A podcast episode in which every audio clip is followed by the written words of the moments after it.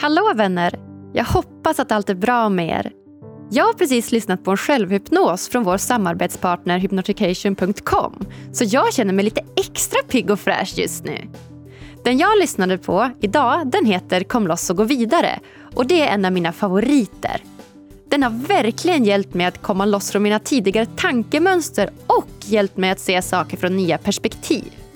Prova du också? Ange koden LYCKA för 15% rabatt. Idag gästar sexologen Kalle Norvald oss. Och vilket intressant samtal! Vi pratar bland annat om hur sex påverkar lyckan, om hur vi idag kan hjälpas åt att bryta tabun kring sex och hur tvåsamhet påverkar vår sexualitet. Dessutom diskuterar vi om sexlust ter sig olika för män och kvinnor. Vad tror ni egentligen? Fortsätt lyssna så får ni svaret. Jag heter som vanligt Agnes Sjöström och den här podden presenteras i samarbete med hypnotication.com.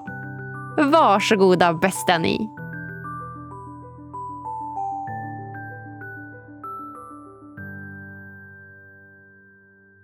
Då säger jag varmt välkommen till Lyckopodden, Kalle Norvald! Hej och tack! Hur är läget med dig?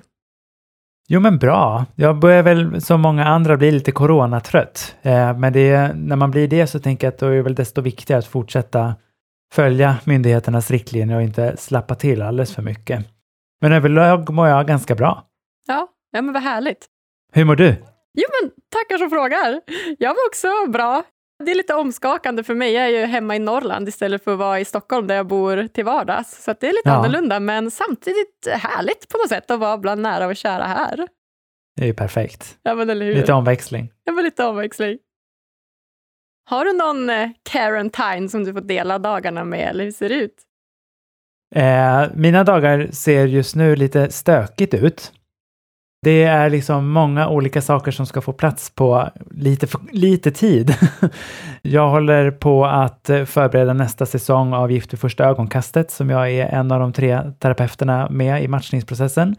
Samtidigt som jag håller på att eh, vara med i eh, ja, alltså min vardag, mitt vardagliga arbete som terapeut så har jag ju mina klienter som jag fortsätter träffa förstås och sen förbereda lite utbildningar och så. Så det är så många trådar samtidigt. Så jag, just nu är det liksom lite förvirrat. Ja, men jag förstår. Så det var skönt att sätta mig och prata med dig. Lite omväxling. Ja, men vad härligt. Ja, då är vi extra glada att du tar dig tid och faktiskt har tid att prata med oss här på Lyckopodden. Ja, jag är så glad så. Du, idag ska vi prata om både ditt, mitt och även lyssnarnas favoritområde verkar det som, nämligen sex. Ja, men det är ju spännande. Det väcker ju många tankar och känslor som är värda att ta på allvar, tänker jag. Ja, men verkligen. Och jag blir också så här pirrig, känner jag, lite nervös när vi ska prata om sex. För det är som ett litet ämne som man inte riktigt pratar om så mycket till vardags, så här med, ja, men ska man säga främlingar eller bekanta. Nej, jag gör ju det. Ja, du gör ju men det. det. men det är mitt, eh, mitt arbete. Men det, jag får ibland jobba med att tänka på att det är inte alla som är lika vana som jag att prata om sex. Just det. Eh, men det är ju ett ämne som verkligen engagerar både liksom på, ja, på alla sidor av skalan. Ja, ja men verkligen. Ja, för man märker det att eh, de avsnitten som toppar våra listor, det är när vi har just pratat om sex. Så att det märks ju verkligen att det finns ju ett behov av att vilja lära sig och vilja prata om och höra om och så vidare. Ja. Jo, men det, sex är och sexualitet överhuvudtaget är ju ett ämne som vi liksom inte pratar om med vem som helst, när som helst och hur som helst. Och det leder ju till tystnad. Och så är det ju med många olika ämnen i samhället, men sex verkar ju verkligen vara ett sådant ämne som många antingen liksom backar för att ta tag i eller totalt undviker och negligerar.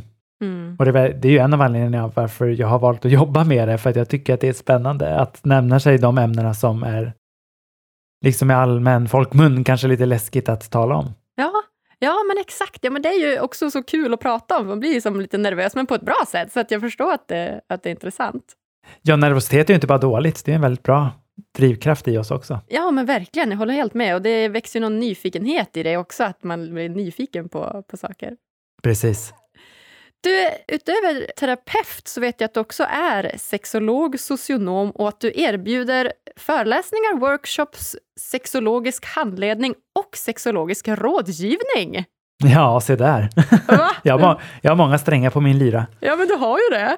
Ja. Kan du inte berätta lite, Kalle, hur kom det sig att du blev intresserad av just eh, sexologi? Alltså jag har alltid, jag hade ju inte ordet sexologi i mitt vokabulär som barn, men jag har alltid tyckt att sexualitet och som sagt ämnen som vuxna eh, liksom har hyschat kring har varit väldigt spännande.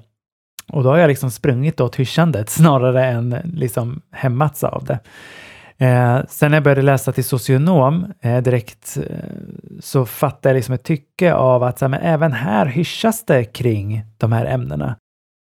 Och jag har, har så tydlig minnesbild av första dagarna när jag läste ett socionom så var det ju kanske så 70-80 procent av klassen som ville bli kuratorer på ungdomsmottagningen. Och vad gör man där? Där pratar man ju ganska mycket om sexualitet och hälsa kopplat till sexualitet. Och terminerna gick och vi fick liksom ingen sexualitetslära överhuvudtaget. Och då bestämde jag ju mig ganska snabbt att fördjupa mig i de här ämnena, vilket jag gjorde i många av kurserna. Eh, men sen ganska snabbt när jag fann masterprogrammet i sexologi på Malmö, då högskola, nu universitet, att det här, ska ju, det här är ju min grej jag är en av de här provocerande personerna som har vetat tidigt vad jag vill jobba med. Så jag har liksom haft ett ganska tydligt mål och jobbat mot tidigt i livet, vilket jag är både tacksam för men också så här, åh, det kanske hade varit gött att få vela lite. Jag velar åt andra teman i livet istället än vad jag ska jobba med. Ja, jag tror inte man behöver vara orolig för att man ska inte behöva vela någonting i livet. Det finns ju så mycket val. ja, tack och lov. Då får ja. man lite velighetstimmar också. Ja, visst är det så. Ja, men så himla spännande, eh, Kalle. Mm. Det är ju det. Vad var det första som kom upp i ditt huvud eh, när jag kontaktade dig? När du ska prata om sex och lycka, vad är det första som dyker upp i ditt huvud då? Jättebra fråga. Eh, alltså lycka och sex är ju för många en drömbild. Man tänker att man liksom vill ha ett lyckligt sexliv och man vill ha liksom känna just lycka och kanske till och med eufori kopplat till sin sexualitet, både på egen bokstavligen hand, men också tillsammans med en eller flera partners. De som kontaktar mig är ju ofta kanske inte lyckliga i sitt sexliv och har det då som sagt som målbild, att jag vill känna mig lycklig i sexlivet. Jag tycker att det är ett roligt tag på begreppet lycka att också prata om sexualitet i det. För det, sexualitet är ju inte bara själva görandet av sex, utan också liksom känslor och tankar, våra relationer, eh, vår liksom samhällsuppbyggnad, vår politik. Sex är ju mycket mer än bara själva praktiken. Eh, och därför gillar jag när podcast och journalister och författare väljer att liksom bredda perspektiven på vad sexualitet kan vara. Så min spontana känsla var ju lycka. Ja, men vad härligt. Du sa att eh, du oftast jobbar med folk som behöver hjälp med eh, att utveckla sin, sin sexuella behov eller bli tryggare i det, må bättre i det. Mm. Vad är det vanligaste problemet och hur gör du för att hjälpa de personerna att bli lite mer trygga då i sitt sexliv?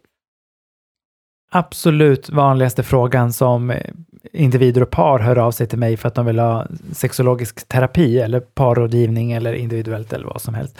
Eh, det är absolut att man upplever att sin lust är för låg. Eh, att man vill liksom vara kåtare oftare, man vill ha det skönare oftare och man vill gärna interagera sexuellt med sin partner oftare. Eh, och det här Ja, det är ju en klurig nöt att knäcka just det här med lust. Det har ju ett oförskämt dåligt rykte i sexologivärlden, just lustproblematik, för att det är så delvis mångfacetterat och också ett problem och en utmaning som är så påverkat av många olika faktorer. Det är ju inte som att typ så här, nej men jag har den här känslan, om jag tar det här pillret så blir det bra. Eh, utan lust blir påverkat av liksom vardagshälsa, Eh, hur mycket vi rör på oss, vad vi äter, hur det är på jobbet, hur det är med våra relationer, inte bara till en partner utan också familj och vänner. Eh, hur man trivs i sin bostad. Alltså det är så många saker som kan komma att påverka lusten, att många terapeuter och sexologer tycker att det liksom är lite besvärligt. Och det är därför också jag gillar att jobba med lust. Även här hyschas det och då dras jag dit.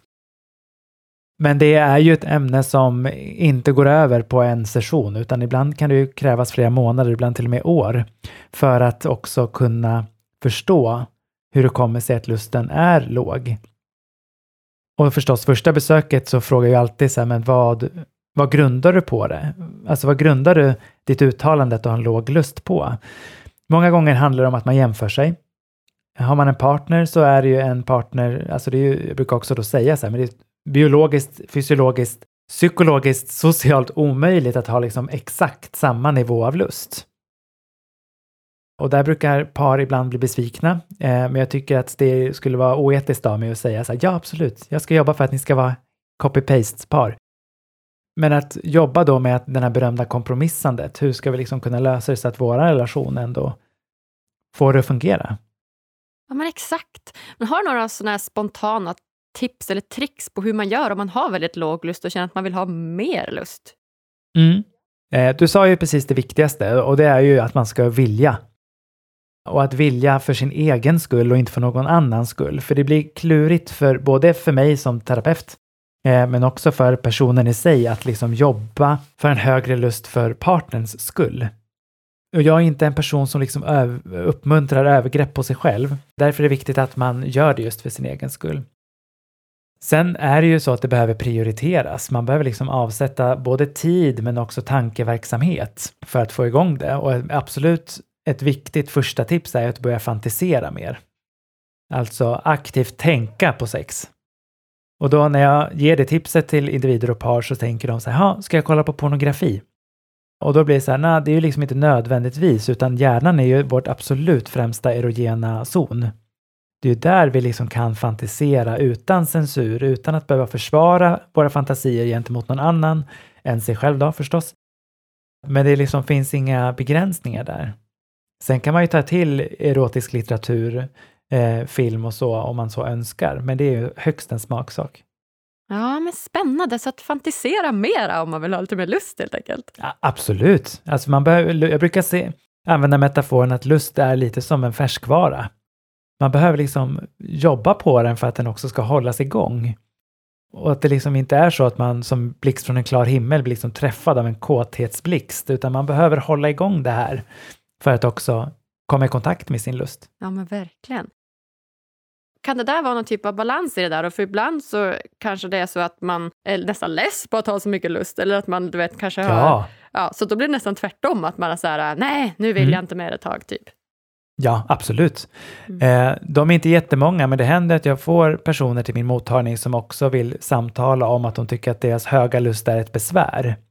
Att man liksom har svårt att eh, hitta paus i sina liksom erotiska drömmar, eh, onanivanor och eh, många gånger liksom att man hittar partners bara sex för sexets skull och inte liksom stannar upp i njutningen. Eh, att det liksom blir en tvångsmässighet. Och det är ju inte heller hälsosamt. Nej, nej det är det ju inte. Jag eh, researchar ju lite grann om dig här och Kalle för att få ta reda på lite grann vem du är och vad du har gjort och sådär. Åh, oh, oh, jösses, okej. Okay. här är ditt liv. ja, men exakt, exakt. Så du har gjort det här och det här och det här. Nej, jag skojar bara. Nej, men det jag såg och kom in på då, det var ju en artikel som du hade skrivit nyligen om jämställdhet som jag tyckte var väldigt spännande. Mm. Det var ju den eh, som handlade om män kontra kvinnors sexlust och om de är olika rent biologiskt eller om de är lika. För att rent normmässigt eller vardagsmässigt så tycker jag att det är ganska vanligt att höra att så killar har mer sexlust och tjejer har inte lika mycket sexlust och så vidare. och så vidare. Är det sant eller hur ser du på det? Du är inne på ett, och ytterligare ett viktigt begrepp i sammanhanget och det är det här med normer. Alltså kollar vi rent sexualfysiologiskt, alltså hur våra kroppar är uppbyggda, så finns det egentligen ingen större skillnad just kopplat till liksom biologiska förutsättningarna till lust och njutning. Sen är ju vi biologiska varelser som blir påverkade av vår omgivning. Och det är ju bland annat just det som jag skriver om i den artikeln jag tror du syftar på, eh, är ju att vi tänker och uppfostrar våra barn på väldigt olika sätt. Där män eller pojkbarn, de som i alla fall tolkar vara pojkar och blivande män, ska ta för sig mycket mer, vara liksom mer handlingskraftiga och självständiga medan de vi tänker ska vara flickor liksom ska vara mer följsamma och omhändertagande, vilket också förstås påverkar oss hur vi ser på oss själva som sexuella varelser. Och ser vi på det vi vuxna håller på och både liksom lägger ut fällor för oss så blir det ju också att vi pratar om kvinnor generellt sett nu då som väldigt komplexa sexuella varelser. Att de de är så här mystiskt väsen som man behöver liksom rota sig igenom en regnskog för att förstå den liksom gyllene gåtan för hur det fungerar. Och medan män är så jäkla simpla att det är bara drar de lite i könet så är allting bra. Att det liksom också är en väldig förenkling i hur sexualiteten fungerar. Sen är det förstås, det kan vara jätteskönt både oavsett genitalier och könsidentitet att bli dragen i könet lite, men att det liksom inte är så himla simpelt jämt. Men sexualfysiologiskt ingen skillnad, socialt jättestor skillnad. Okej, okay, så det är socialt och miljömässigt som det är skillnad? Ja, vi har ju satt upp de reglerna för oss av någon anledning.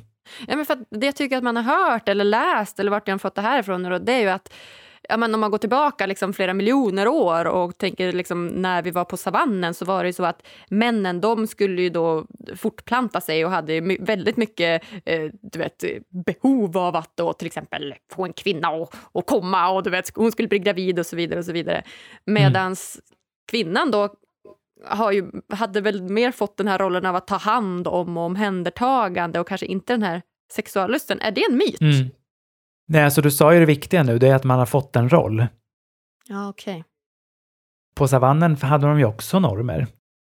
Vi människor har ju alltid haft en tendens att vilja skapa en struktur och en balans och då är det ju skitsmart att sätta dit normer till oss, för då vet vi vad vi har att vänta oss.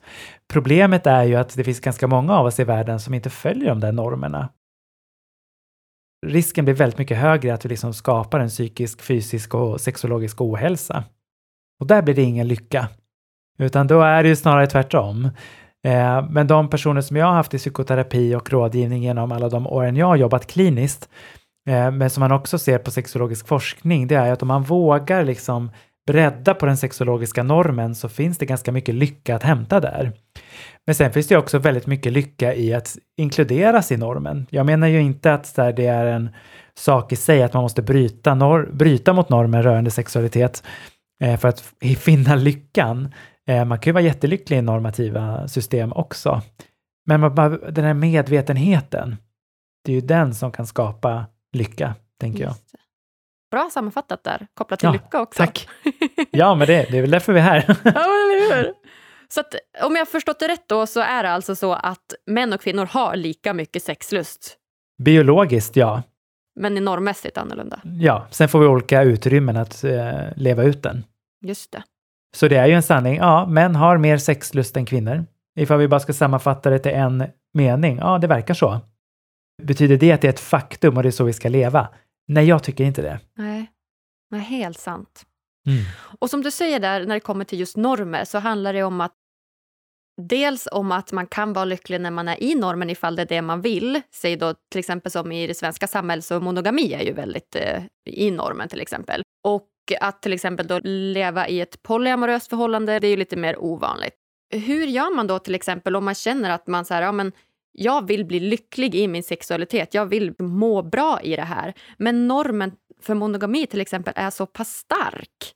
Hur gör man då för att bryta det här och faktiskt välja att gå mot sin egna lycka? Ja, den dagen jag knäcker den nöten, hörru, så kanske jag får Nobelpris. Nej, men det där är ju jätteklurigt och det är ju också en ganska vanlig frågeställning kopplat till eh, att man önskar att inleda en psykoterapi.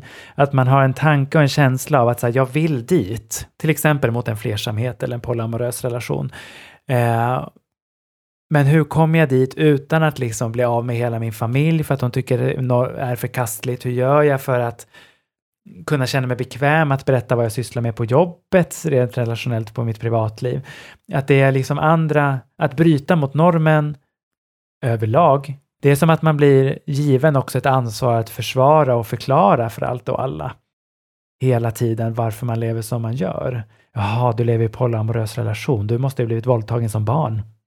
Att man också att man liksom drar sig på en gång, vilket inte är sant, att man också Nej. drar sig till och tänker att det ska vara av en viss anledning. Ja, eller så är det så att jag faktiskt bara blir lycklig av det. Att det, liksom, det är inte ett giltigt argument att bara bli glad, utan man måste förklara det med liksom en historisk berättelse. Och när man bryter mot normen tas för given vilja dela med sig av den historien till allt och alla. Mm. Vilket man ju absolut inget ansvar för att behöva göra. Nej, precis. Vad tror vi då? För att eftersom att monogami är så himla överrepresenterat idag, tror vi att det är många som skulle må bättre av att vara i andra typer av relationer? Jag tror att många skulle må bra av att fundera i alla fall kring vad är för relation jag tror, tror att jag vill ha. Och hur kommer det sig? Alltså vi människor är ju också ganska lata va?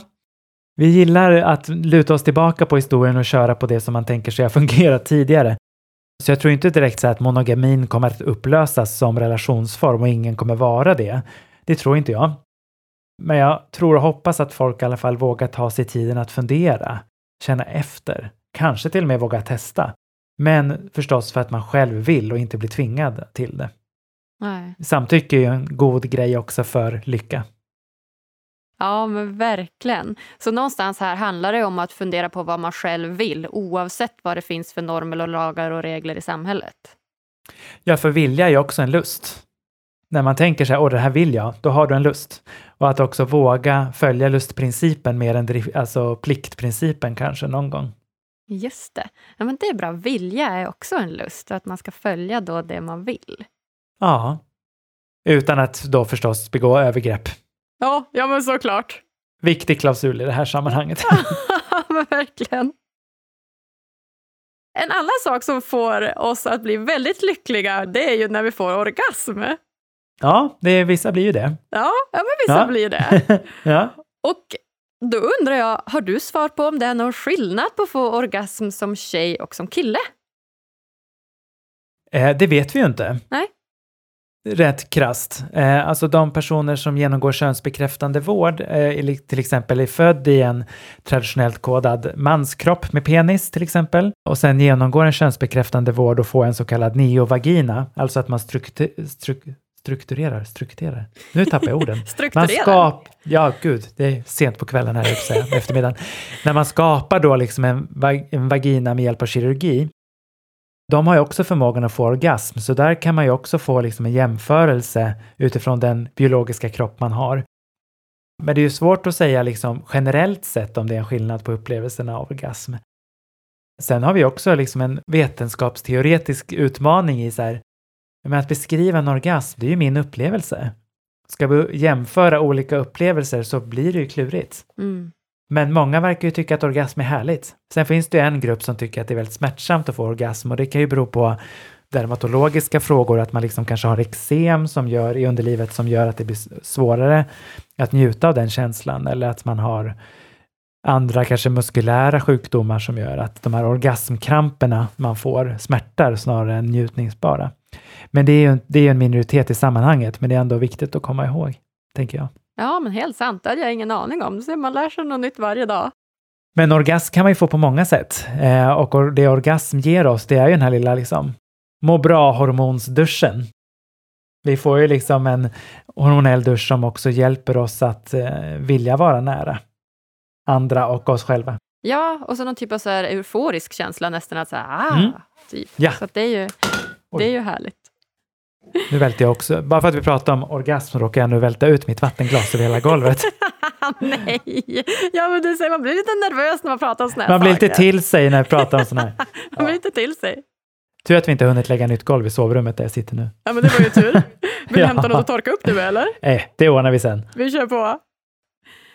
Du, kan man träna på att få starkare orgasmer? Bra fråga. Jag tänker att man i alla fall kan träna på olika sätt att uppnå orgasmer. Och det kan man ju göra såklart på en mängd olika sätt. Onani är ju en ganska bra tillvägagångssätt för att utforska sin egen kropp och sin egen sexualitet.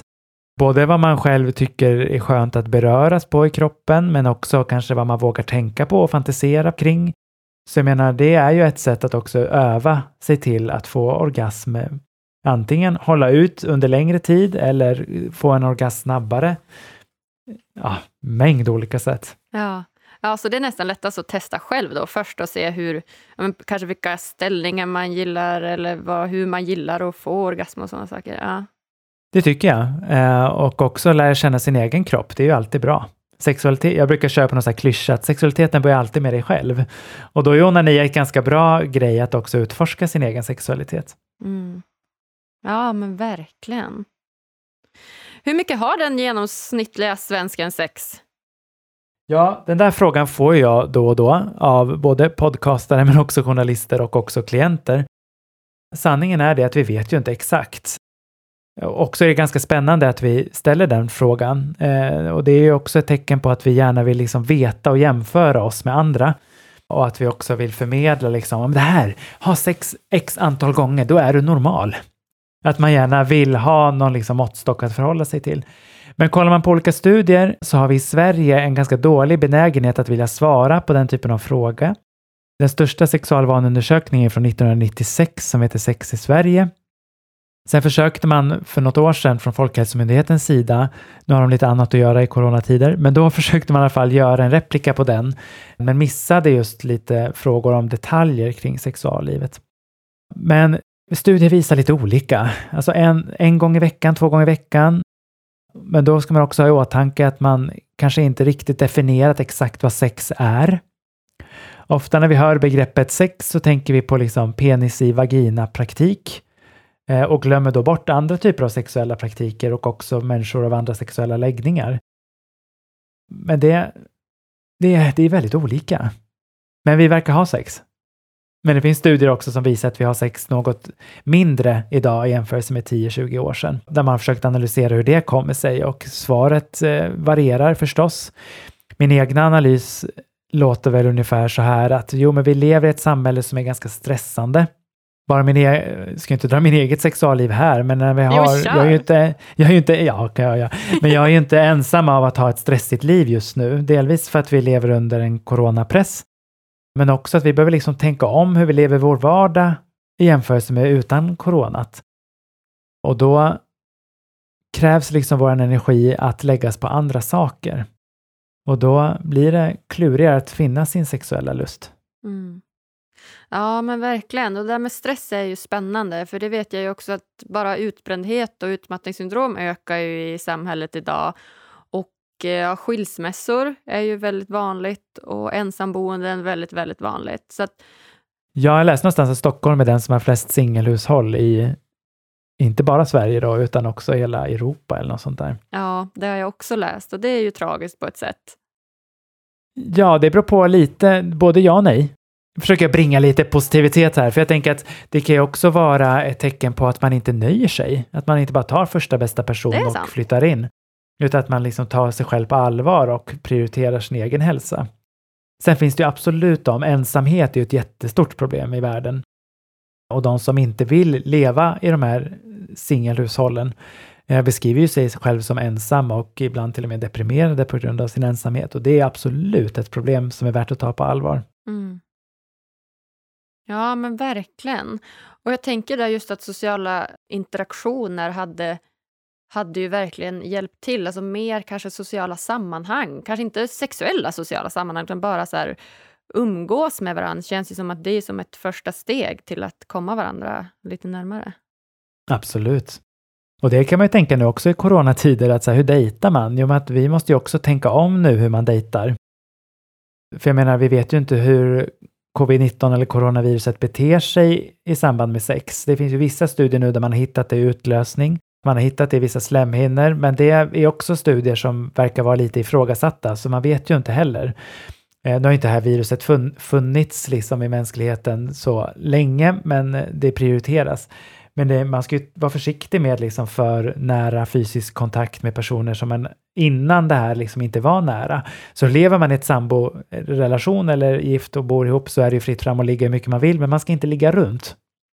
Just för att vi är osäkra. Så ligg, men ligg inte runt. Att man skaffar en ny sexpartner nu verkar det som inte den bästa idén utifrån en liksom smittspridningsperspektiv. Nej, precis. Utan just nu så håller man sig till den man har haft då, kanske, så att man inte sprider viruset. Ja. Ja, och kanske passa på att se det här som en situation där man får utforska sin egen sexualitet, som vi var inne på tidigare. Brukar jag tipsa om. Jag har en förhoppning att vi i alla fall kan lära oss någonting om oss själva utifrån hur vi reagerar utifrån den här väldigt konstiga situationen vi är i nu. Verkligen. Hur ser du på mm, utvecklingen av sexualitet och sex idag? Då? Hur tror du att det kommer utvecklas framåt? Gud, ja, spännande. Jo, jag tror ju att teknologin förstås kommer fortsätta sitt framsprång när det kommer till sexualitet. Jag tror att sexhjälpmedel och sexleksaker kommer att utvecklas förstås i samma takt som det redan gör. Jag tror att, som vi var inne på innan, jag tror att flersamhet eller polyamorositet kommer att få liksom en mer uttalad roll, att man vågar mer och också kanske står för det i sociala sammanhang. Jag vill verkligen hoppas.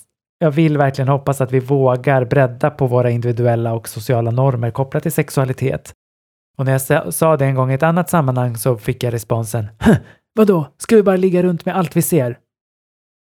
Och då menar jag så här, nej, inte om man inte vill det, men de som vill det kanske ska få göra det utan att liksom få evil eye på en gång när det dyker upp. Att man vågar liksom, utan att bli totalt skammad av sitt sociala umgänge, berätta vad man vill. Mm. Ja, men verkligen, för där tycker jag verkligen att det finns väldigt tydliga judgment. Alltså man dröm, dömer väldigt, väldigt hårt när det kommer just till sex och relationer. Att ah. Det som är okej okay idag, det är att vara monogam och ha ett förhållande. Och Det som inte är okej, okay, det är till exempel att ligga runt. Och även när det kommer till förhållandet, så här, det, det är okej okay att ha ett förhållande. Det är lite mindre okej att vara singel. Det är liksom klassat nästan som någonting dåligt. Ja, att man ska sträva efter en tvåsamhet no matter what. Att man säger, ah, oj, du är 30.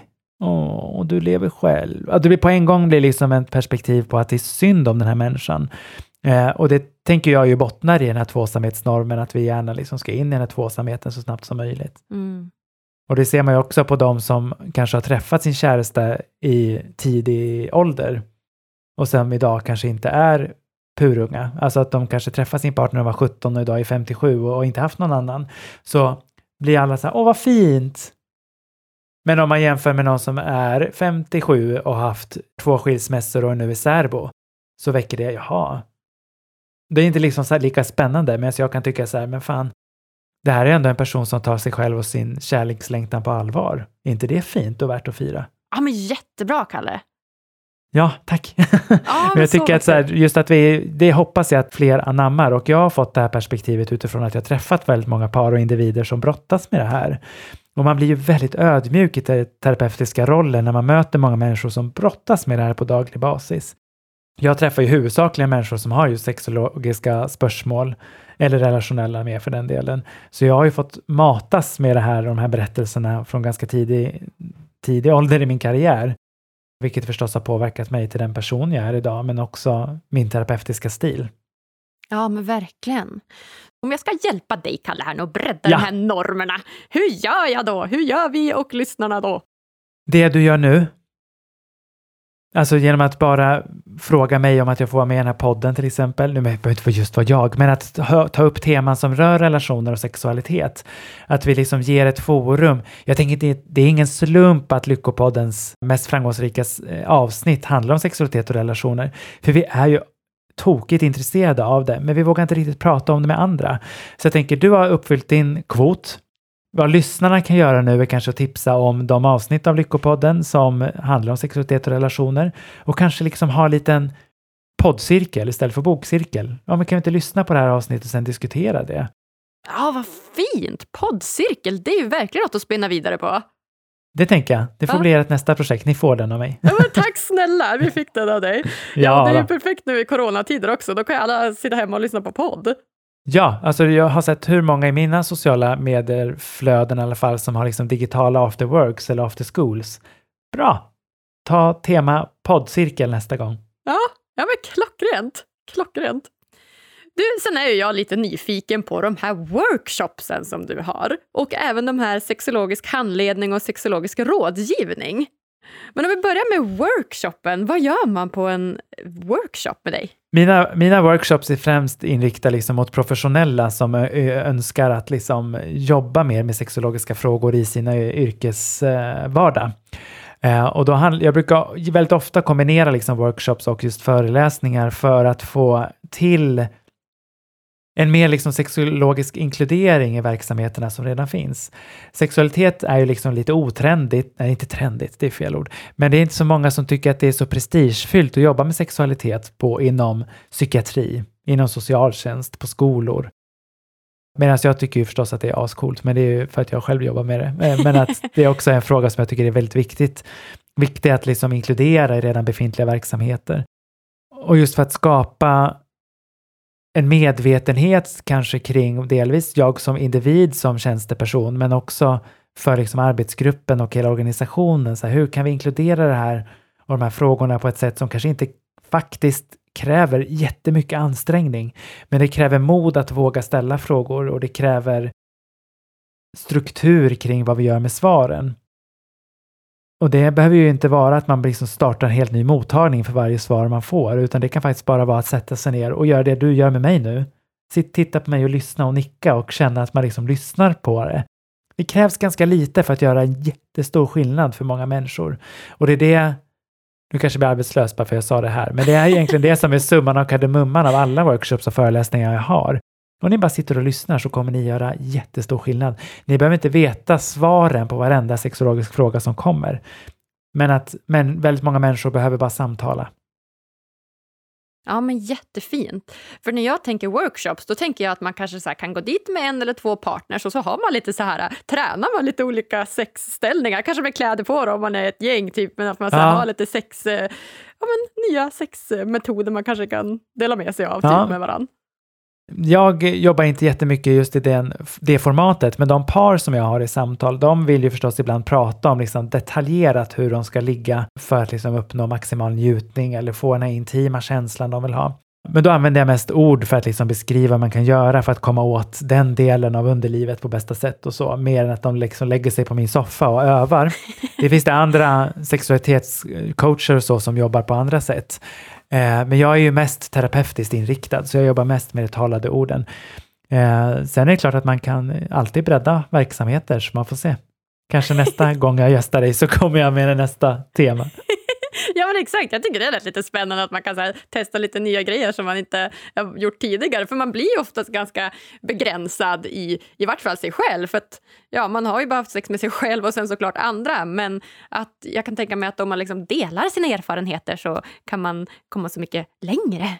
Ja, men det tror jag absolut. Och det märker man i parterapi när, det, när jag ska leda liksom två i samtal samtidigt. Att många gånger har man liksom inte vågat kanske berätta sina innersta fantasier och tankar. Och det, ska, det är ju inte per automatik att man måste det i en relation, men att ibland kan man ju tjäna på det för att utvecklas sexuellt. Men då vill man göra det i ett tryggt sammanhang med en tredje part eh, som liksom är med och modererar lite grann och ger alternativa tolkningar och hjälper och stöttar att hitta ord till exempel. Ja, men jättebra. Du, eh, Kalle, jag tänker att vi ska gå in på de eh, sista frågorna här innan vi lämnar varandra. Ja, tuta och kör. Och den första frågan jag har då, det är du lycklig i din sexualitet?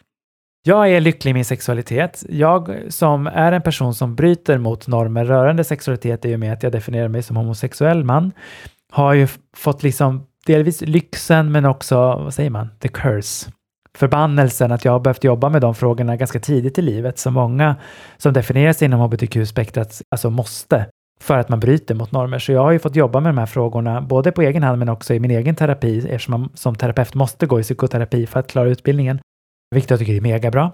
Så jag har ju fått liksom stöta och blöta de här frågorna och det är jag tacksam över. Sen finns det ju de personer som inte skulle säga samma sak.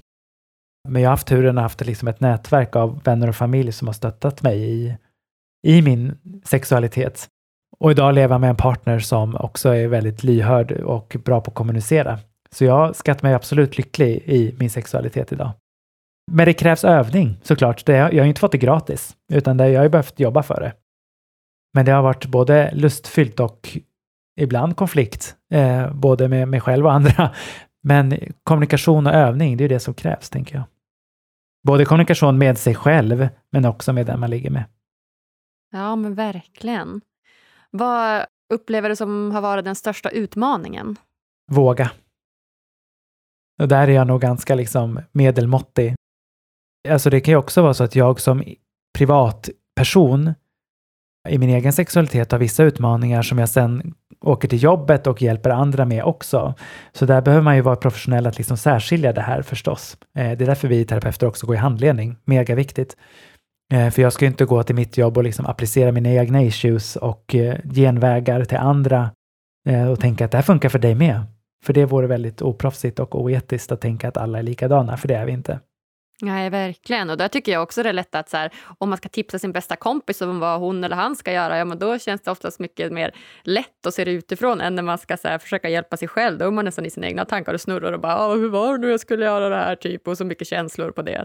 Precis så. Eh, och det är ju det, det, är det som sker. Vi kan ju liksom vara logiska och rationella när det gäller andra. Sen när det kommer till oss själva, ja men då har vi känslorna och tankarna i kroppen och då blir det lite klurigare. Och det ska man vara ödmjuk i, tänker jag. Ja, men verkligen. Och hur tänker vi att man kan utveckla det så att man kan ja, men lära känna sig själv på det sättet och inte behöva snurra in sig i sina tankar så mycket? Gå i terapi. Ja, just det. Ringa till Kalle. Ja, nej, jag har tyvärr fullsmockat på min mottagning, men att Stackars. ändå gå liksom i, att gå i psykoterapi tycker jag är någon, en så otroligt fin investering i sig själv. Eh, men också att liksom unna sig tiden att gå den överenskomna planen med sin terapeut och verkligen så här, med de här 45 minuterna den här dagen, den här veckan är liksom bara till för mig. Egoism har ju fått ett ganska dåligt rykte och jag tänker att man liksom är självisk och ego och inte tänker på andra. Jag tänker att egoism och själviskhet kan ju också vara något väldigt positivt för att man tar sig själv just på det här berömda allvaret och att säga, men jag är värd det här. Och ibland i terapier får jag ju kämpa med de som kommer till mig och säga, men du är värd den här platsen. Du är värd den här tiden att liksom tänka på dig själv. Eh, och det är ju det är ingen lätt resa att gå i terapi och många tänker så här, åh nej, jag vill sluta nu för det är för jobbigt. Det är ju som att gå på styrketräning. Det är ju asjobbigt att styrketräna. Men man blir starkare och psykoterapi är precis likadant. Det är jobbigt att gå i terapi, men man går också utifrån det starkare. Ja, vad härligt. Så att bli lite mer egoistisk och ta sig själv på allvar och då prioritera terapi. Ja, och sig själv i och med det. Och onani, förstås. Psykoterapi och onani, inte samtidigt, men parallellt. Ja, det är perfekt. Psykoterapi och onani, det kanske är meningen att de ska rimma. Jag tänker det. Det har jag inte tänkt på, men det är verkligen, det är ju svinbra. Du, eh, Kalle, vad gör dig som lyckligast? Är det sex? Eh, nej, vet du, det är faktiskt mat. Det är mat! Jag eh, är en person som älskar mat. Jag blir lycklig av mat. Jag kan sitta, och ä- sitta med liksom en favoriträtt och bara sen så här, nej men gud, det här är ju meningen med livet alltså. Och det är ju lust. Lust gör mig lycklig. Ja, Och det kan i och för sig ta sig uttryck i sexualiteten, men först som kom upp, det var faktiskt mat. kan bero på att klockan har precis slagit middagstid, att det är det som kickar igång kanske. kan du vara hungrig kanske? Ja, kanske är det. Och det är ju samma sak när man blir upphetsad och kåt, ja men då blir man ju lycklig av sex. Eller självsex, med, oavsett om det är med sig själv eller med någon annan. Mm. Så det är ju, det är ju något att fundera på. men vad gör mig lycklig? Sol, ja, men klassiker, solsken, glass, mitt barn. Sådana grejer. Ja, men det är fantastiskt. Och lust tycker jag var bra, för det, det fångar ju så mycket. Ja, man ger ju sig själv en bra genväg. Vad gör dig lycklig? Lust. Ja, ja. För det kan vara mycket, kan man klippa och klistra sen. Ja, men exakt. Jag frågar ju alla gäster om det, så att jag tänker att nu har jag ett bra svar i vart fall om de frågar Ja. mig tillbaka. Perfekt. Om du fick ge lyssnarna en utmaning som de kan göra varje dag för att bli lite lyckligare, vad hade det varit då? Åh, det där frågan ställde faktiskt min psykoterapihandledare mig för några veckor sedan. Eh, för det finns studier som visar att gör man fyra saker för sig själv varje dag så håller man längre som psykoterapeut och jag tänker också som människa.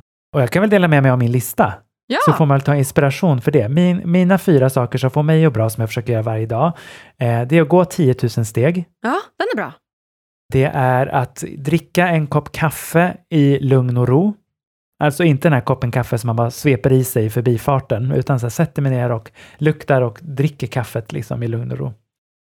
Be min partner om en kram varje dag. Det kan man också översätta sig att ge sig själv en kram varje dag, för den är ju också värd någonting, tycker jag i alla fall. Och att eh, sätta mig ner och liksom ha den här berömda egentiden på ett eller annat sätt. Och det kan vara en promenad, det kan vara att stänga in mig i vårt sovrum och spela hjärndött mobilspel.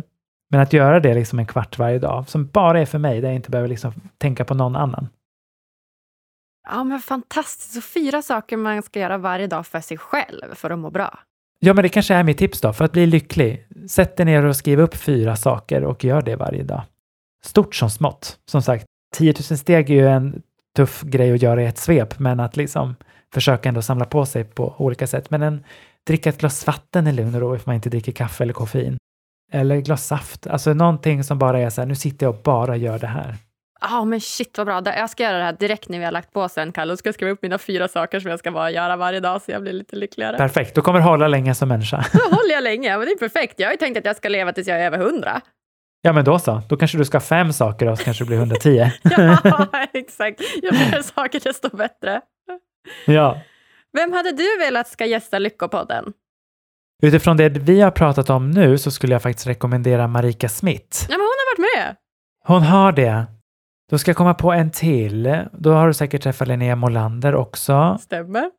Och Malin Drevstam. Stämmer. Susanne Larsdotter. Det var nytt. Nej, då kom hon. Susanne Larsdotter. Hon är min, en av mina bästa vänner rent privat, men också en av Sveriges främsta sexologer skulle jag säga. Passa på att göra ner mig själv här nu i sista minuterna i podden. med Susanne Larsdotter. Eh, och prata om, eh, prata om fittor, Okej. prata om fitthälsa, prata om eh, ännu mer om normer, om sexualitet och samhälle. Ja, men spännande. Du säger, jag kan knappt säga det där ordet för att det blir så, så tabu och så nytt för mig. Men fittor alltså. Ja, ja, du, bra. Ö, nu övade du. ja nu övade skitbra. jag. Ja. Ja, men då kanske Susanne Larsdotter är en bra gäst också för din egen personliga utvecklings skull. Det tror jag verkligen. Och jag ska säga att det här har också varit Kalle. Tack snälla för att du kom och gästade oss här på Lyckopodden. Tack så hemskt mycket. Åh, så himla bra hörni. Jag älskar verkligen att prata om saker som är tabu och jag hoppas ni också ska gilla det. Tycker ni det här var lika bra som jag? Prenumerera gärna på podden, följ oss på sociala medier och ge oss fem stjärnor på iTunes. Tack för att just du lyssnar. Vi hörs på tisdag igen. Puss och kram!